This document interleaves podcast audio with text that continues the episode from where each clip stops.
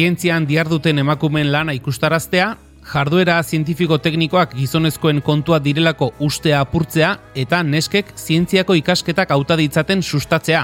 Helburu zehatz hoiekin sortu zen 2017an emakumeak zientzian egitasmoa. Nazio batuen batzar nagusiak otsailaren amaika, emakume eta neska zientzialarien nazioarteko egun modura izendatu zuen 2016an, eta arrezkero, ekintza ezberdinez osaturiko ziklo bat antolatzen da data horren bueltan, emakumeek eta neskek zientzian erabateko eta bidezko parte hartze izan dezaten aldarrikatzeko.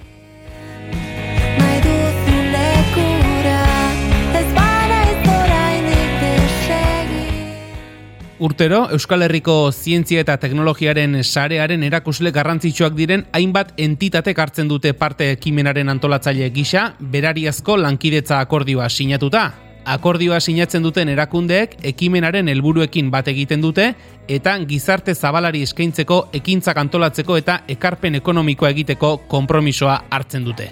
Aurten, sei dira entitate koordinatzaileak eta emezortzi parte hartzaileak. Horietatik zazpik lehen aldiz hartuko dute parte entitate modura eta hori emakumeak zientzian urtetik urtera azten ari den zerbait denaren frogargia da.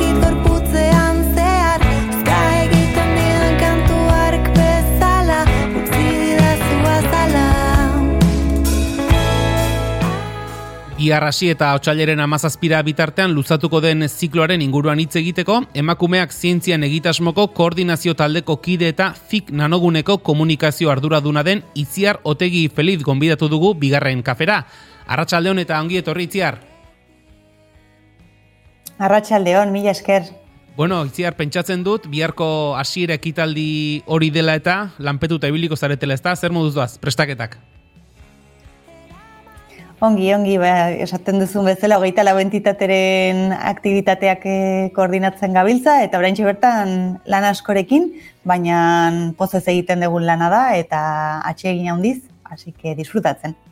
Horrelako ekimen batean, e, itziar, aipatu duzun bezala, hogeita lau entitateke hartzen dute parte, aipatu dugu, hoietatik e, zazpi, zuen egunean irakurri dugunaren abera, lehen aldiz e, izango direla entitate modura behintzat parte hartzen aurtengoan, e, proiektuaren egitasmoaren e, edapena bilakaera oso positiboa izaten ari denaren seinale diratatu horiek ezta? Bai, ala da oso positiboa da guretzat, gu hasieratik abiltzan anogunen ekimenarekin, eta eta bueno, ba, gero eta entitate gehiago gerturatzea, eta emakumeak zientzian bihurtzen ari den aterki honetan denok indarrak batzea, ba, noski guztua ondiz hartzen dugu. Aurten gainera sartu diren entitate berri horietako asko e, Bizkaia ingurukoak dira, Bilbo ingurukoak, eta horrek ere ba, pixka bat e, gure lurraldean zehar ekintzak e, zabaltzeko aukera eman digu eta horregatik ere ba oso pozik. Pentsatzen dut e, itziar lendabiziko urratsak lendabiziko ba ekitaldi haietan ba, lan e, asko egin beharko zela ba, proiektua gizarteratzen nola baita ezta proiektuaren nondik norakoak ba, jendeari helarazten orain e, bilakaera positibo hau ikusita ez dakit entitateak beraiek diren zuengana hurbiltzen direnak edo oraindik ere ba, zabaltze sare lan horrekin jarraitu beharrean zaudeten.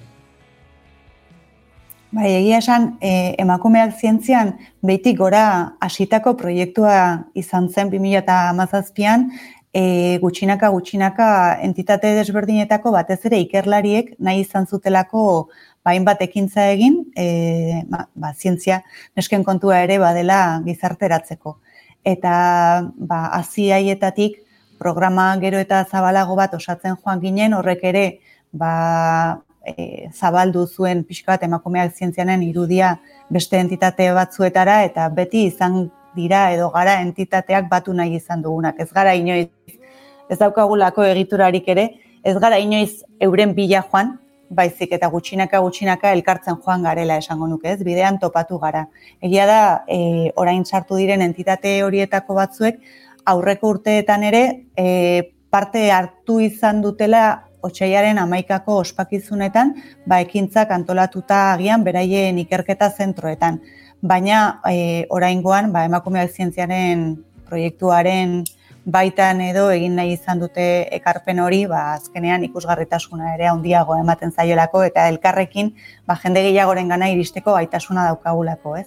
Orduan, bueno, beti izan da ateak zabalik dituen ekimen bat, ez hainbeste e, entitate zehaz batek sustatu eta besteen bila joan dena, baizik eta gutxinaka, gutxinaka, ba, e, bera autoantolatzen joan, joan izan da, ez, denboran zehar.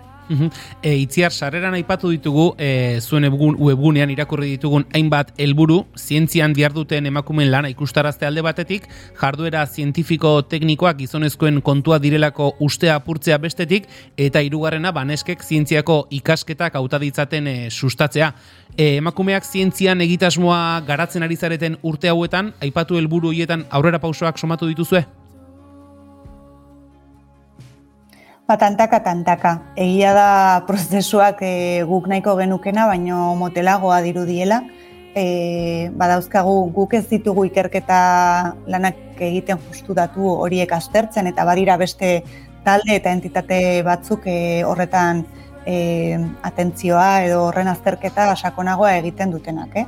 A, baina esate baterako ba, ikerbazkeke urtero ateratzen duen zientziaren, radiografiaren txostenean, ba, datuak aspalditik e, badauzkate beraiek emakumeak e, zientzia eta teknologiaren esparruan daukan presentziaren inguruan, eta 2000 garren urtean euneko hogeita marrekoa baldin batzen zientzia eta teknologia esparruan lan egiten zuten emakumeen kopurua, ba, orain euneko hogeita ma bostean gaude, orduan hogei urtetan edo hogeita iru urtetan euneko bosteko presentzian handitzea, ba, guri motel xamar doala iruditzen zaigu baina, baina bueno, pausoak ematen ari dira eta espero dugu ba bentsat eh referenteak e, lantzen ditugu asko, bai e, referente handiak emakume e, ba, zientzia eta teknologian mundu mailan ekarpen e, oparo eta eta errekonozituak eh, egin dituztenen figura horiek eh, aldarrikatzen ditugu, baina batez ere batez ere lan egiten dugu ba, gizarteari gerturatzen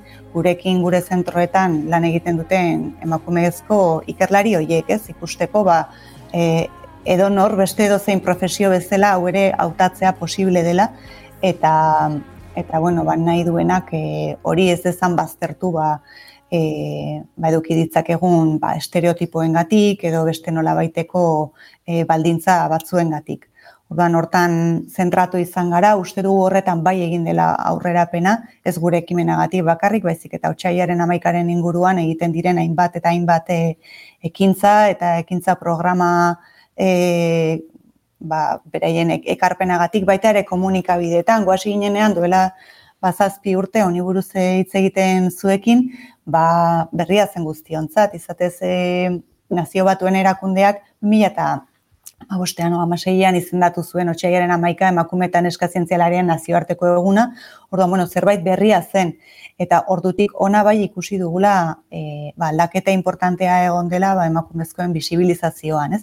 Ez bakarrik fetxa hauetan, baizik eta ja urtean zehar e, ba, zientziaren e, emaitzak plazaratzen lan egiten dugunean, ba nola guztion artean ari garen baita ere, ba, ba bueno, saiatzen protagonismo parekide bat ematen ba, edo zein generotako pertsonei, ez?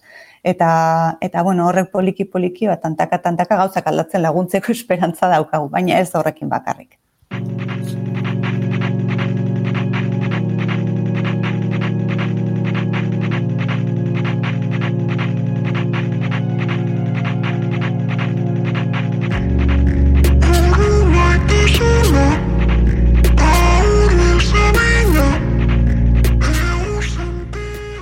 Itziar, eh, aipatu izan den eh, beste kontzeptuetako bat ez, eh, zientziaren olabaiteko demokratizazioa edo bada ez, zientzia ba, gizartearen eh, gehien gora da zientziatik kanpo dagoen jendearen o zientziatik kanpo diarduen jendearen gana nolabait ere hurbiltzeko behar hori.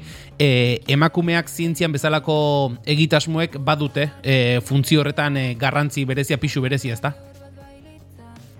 Bai, hortan ere ekarpena egiten du noski izatez, askotan hitz egin izan dugu gure artean e, kuriosoa dela, baina emakumeak, emakume zientzialariak asko eta asko implikazioa handia daukatela baita ere zientziaren zabalkunde horretan, bereien egunerokoan.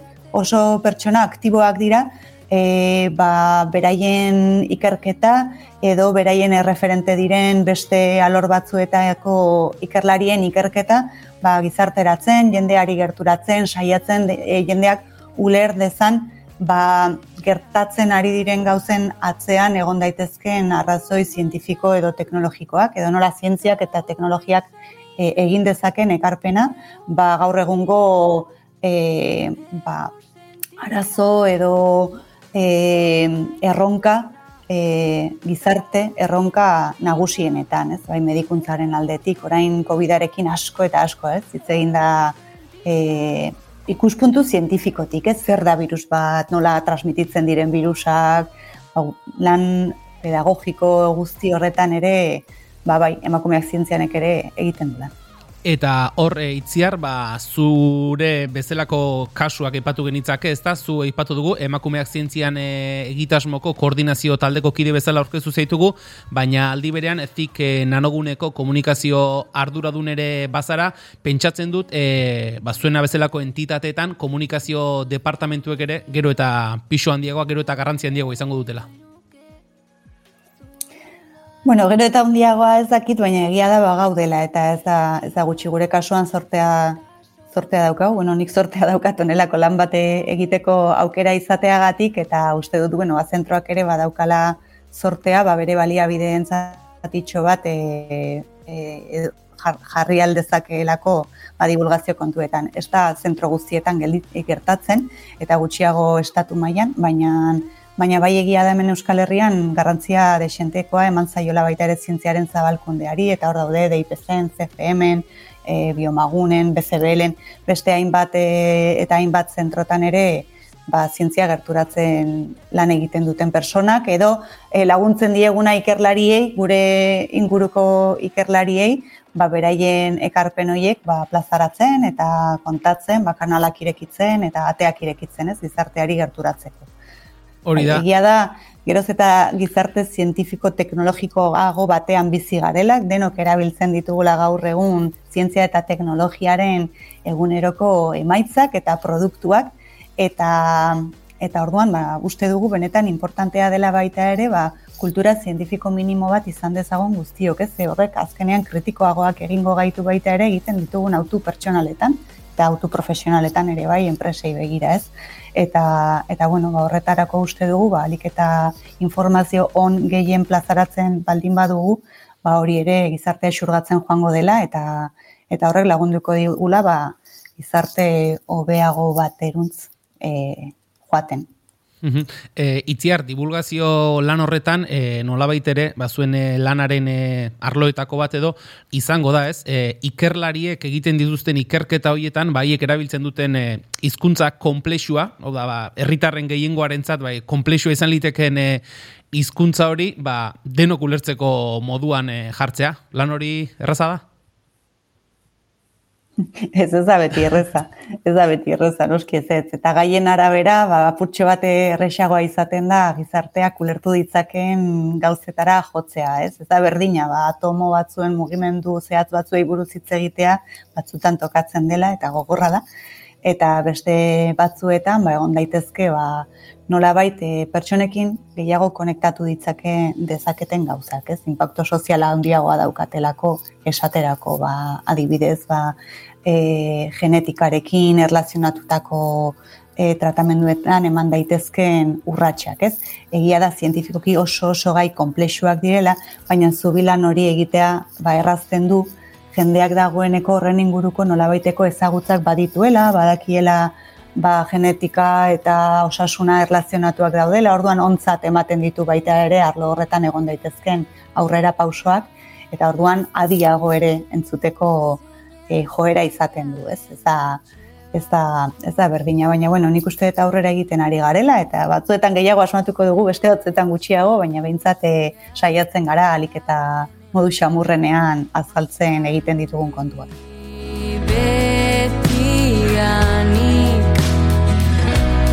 lekurik ez eraikitzeko zerotik asten den ezer Iraitziar, e, testu inguru apur bat eh, jarri dugu eta pixkanaka pixkanaka ba, jarriko gara, lehen aipatu dugun e, bezala, bihar hasi, otxailaren sortzian hasi eta otxailaren amazazpira bitartean e, luzatuko den emakumeak e, zientzian ziklonen e, nondik norakoak azaltzen, hasteko. Sarreran aipatu dugun bezala, bihar hasiera ekitaldi, arratsaldeko seietan, intxaurrondo kulturretxean, eta hor, ba, alde batetik titular moduko bat ere jarri duzu ezta, zientzia nesken kontua dela, aldarrikatuko duzue. Bai, hori da pixka bat gure leloa duela urte batzuetatik ere, eta biharkoan ere, e, omenalditxo bat egin nahi genien ekimenean parte hartzen duten emakume zientzialari eta aliatu zientzialari guztiei, e, festa giroan elkarrekin e, ospatzeko ba, jardunaldi programaren hasiera, ez? Eta horretarako elkartuko gara intxaurrondoko kulturretxe horretan, izten ematea gainera zabali dago iritarrei, mm -hmm. ere plazatxo batzuk daude, que nahi duenak bertan egon e, guk oso gustora hartuko dugu baita ere e, ba, interesa izan dezaken edonoren e, presentzia bertan. Eta a, eta bueno, ba, ekitaldi horren helburuari da pixka bat e, ba, turutak atera eta zarata pixka bat egin elkarrekin, ondo pasa eta esan, esan dudan, ez? E, urte hauetan zehar, polondrez pila batek parte hartu dute, modu e, beraien lana egun batzuetan alde batetara utzi eta gizartearentzako ekimenak eginez eta beraiei ba eskerrak emateko modu bat ere bada egunero saiatzen gara eskerrak ematen baina bihar ere horrela hasi nahi genuen aurten Emakumeak zientzianeko hainbat e, ikerlarik, Alaia Martin etxebeste bertsolariarekin e, solasaldi bat izango dute. Ez dakit, solasaldi horren inguruko zerbait nondik norakoren bat edo aurrera tote daiteke, itziar? Bueno, batez ere nahi dugu beraiekin solastu, ba, beraiek zen, ba, pixkat, hasieran galdetu didaz, didazuen horren inguruan, ez? Nola ikusten duten euren burua, zientzia, zientziaren esparruan, ikusi alduten, e, ba, bueno, e, norantzko honean goazen uste duten, eta, eta bueno, pixkat, beraien gonbidapena ere luzatzea ingurukoei, ba, beraiek egindako autu hori egiteko gogoa badute ere, ba, ba, bueno, ba, bidea zabaltzen saiatzen ari garela, esateko. e, itzi arkero ipatu dugu, otxailaren eh, amazazpira bitartean, egunez egun izango direla ekitaldi ezberdinak, eta hor, e, arreta deitu diguna, edo ikusi dugun beste gauzetako bat izan da, e, ekintza bakoitza nolabait ere publiko zehatz bati fokalizatuta dagoela. Bada hori, e, nolabait ere modu bat, mezuak modu oso zuzenean publiko zehatz bati bidali alizateko? Bai, nik uste dut eh, alde batetik bilaketa erresago egiteko, berrogeita marrekintzetan zehar azkenean, bakoitzak bere interesekoa edo berari hobekien egokitzen zaiona topatzea errazteko, baina baita ere, ba, ekintza horiek pentsatuak daudelako, e, ba, publiko zehatzo jentzat, ez? Ez da berdina ba, itzaldi saio bat egitea, zientzialariak atzo eta gaur bezalakoa, pixkat e, publiko orokorra dagoena, baina agian ez dena aur txikientzako formatorik egokiena, e, ba, bueno, alderantziz, jinkana bate prestatzen familiarekin, eta, eta larun bat goiz bat e, familian zientziaren inguruko hausnarketa bat egiteko aukera ematea, ez? Orduan, ba, bai, horrexegatik daukagu, eta baita ere, hasiera hasieratik eduki dugulako e, nahiko argi, e, ba, bueno, ba, publiko askoren gana iritsi, iritsi nahi genuena, e, azkenean ez delako bakarrik txikiak konbentzitzea zientzia egiteko, baizik eta gurasoek ikustea hori ere etorkizuneko lanbide on bat izan daitekela edo e, esateko ba, e, beraien ingurune osoak ere autu horiek e, ondo ulertitzaten eta beste guzti horiek dauzkaten estereotipuek muga jarri ez dezaten, ez? Eta horrexegatik e, egin izan dugu horrela. Entzulei esango diegu bide batez, ba, emakumeak zientzian.eus e, webgunean, hortxe dutela, egitara osoa kontsultatzeko aukera, egunez egun, ba, leku bakoitzan izango diren ekitaldien inguruko bilaketak ere egin e, ditzakete, eta itziar lehen aipatu dugun e, kontzeptutxo batera itzuliz, e, zientziaren demokratizazioaren inguruan aritu gara, eta e, familiei zuzenduriko ekitaldi mota horiek egitea ere badan olabait ere demokratizazio ariketa moduko bat? Ba, Bai, bai, uste, uste dut baiet. Bueno, nik uste dut publiko osoaren zat. E, berrogeita marrurtetik orako emakumezkoentzako tailerrak ere egiten ditugu eta uste dugu hori ere badela ez. Azken finean, e, kultura zientifikoa beraiek hartzen baldin badute, beraien inguruan edatzeko gaitasuna ere e, izango dutelako ez. Eta, eta horren inguruan e, ba, beraiek daukaten e, ba, badakizu, azkenean gaur egun, familia oso modu zabalean ulertzen da, eta aurrek pasatzen dute egunean denbora asko eskolan, baina baita ere denbora asko, aitona monekin, e, familiako bestekide batzuekin, orduan, bueno, ba, guztiak pixka bat e, trebatu eta eta formatzen baldin badira, eta batez ere interesa sortzen baldin badiegu e, zientziaren esparruarekin, hori ere beraien inguruan dauzkaten gaztei helarazteko gai izango dira, ez? Eta eta hori da pixka bat helburua. Demokratizazioa bai, eske programa azkenean zabalik dago guztiarentzat, e, doako ekintzak dira, e, askotan ikerlariek modu, esan dugun bezala, modu bolontresean egiten dituztenak baita ere, eta, eta bueno, oso importantea da, ez? Azkenean, e, zientzia elite baten eskuetan baldin badago bakarrik, ba, ba, ba, gizarteak berak ezingo du erabakitze prozesu horietan parte hartu, ez? Eta erabakitzeko gauza asko dauzkagu gizarte bezala.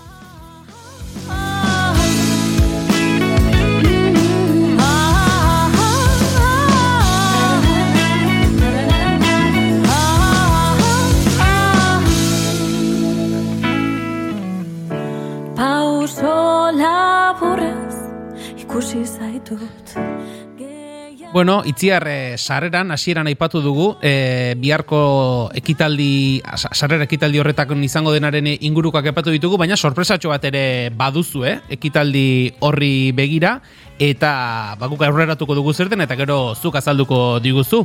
Izan ere nolabait ere, ba, egitasmoaren ereserki moduko bat edo egin duzue eta Janus Lesterrek ertzak izeneko abestia egin du eta zuen, zuen hitzak aipatuko ditute. Jokin Pinatxo buru duen taldeak kausaren aliatu modurera aurkeztu duzuenak egindako abestia. Konta iguzu honen ingurukoak? Bai, bueno, es Janus, Janus Lesterren Joki Pinantxo ari da ikerlaria da, bera orain doktoretza tesia egiten ari da e, materialen fizika zentroan. E, eta, bueno, duela urte batzuk ja, emakumeak zientzian egitasmoan egiten gen ditugun ekintzetan, ba, parte hartu izan du, berak, e, beste ikerlari batzuek bezala, ez? Eta, eta bueno, bai, iruditu zitzaigun, aurten erritmo pixka bat jartzea polita izango litzatekela, bera ere oso presa agertu zen hasieratik eta elkarrekin, ba, abesti bat e, prestatu dugu, bere lana da batez ere, baina, bueno, gu pixka bat ere zertzela da batzuk eman genizkien mezuen inguruan, eta egia esan oso prozesu polita izan da, eta guri ba, emaitzarekin ere oso pozik gaude, hasi que desiatzen gaude bihar gainera zuzenean joko du, e, intxaurrondoko kulturretxean, eta desiatzen gaude e, datzan hasteko. Eskua egin utzi lekua ikus senti gure naia Wow, apur nuntxi arkua hau da gure patua ikus senti gure naia Mozu ditzagun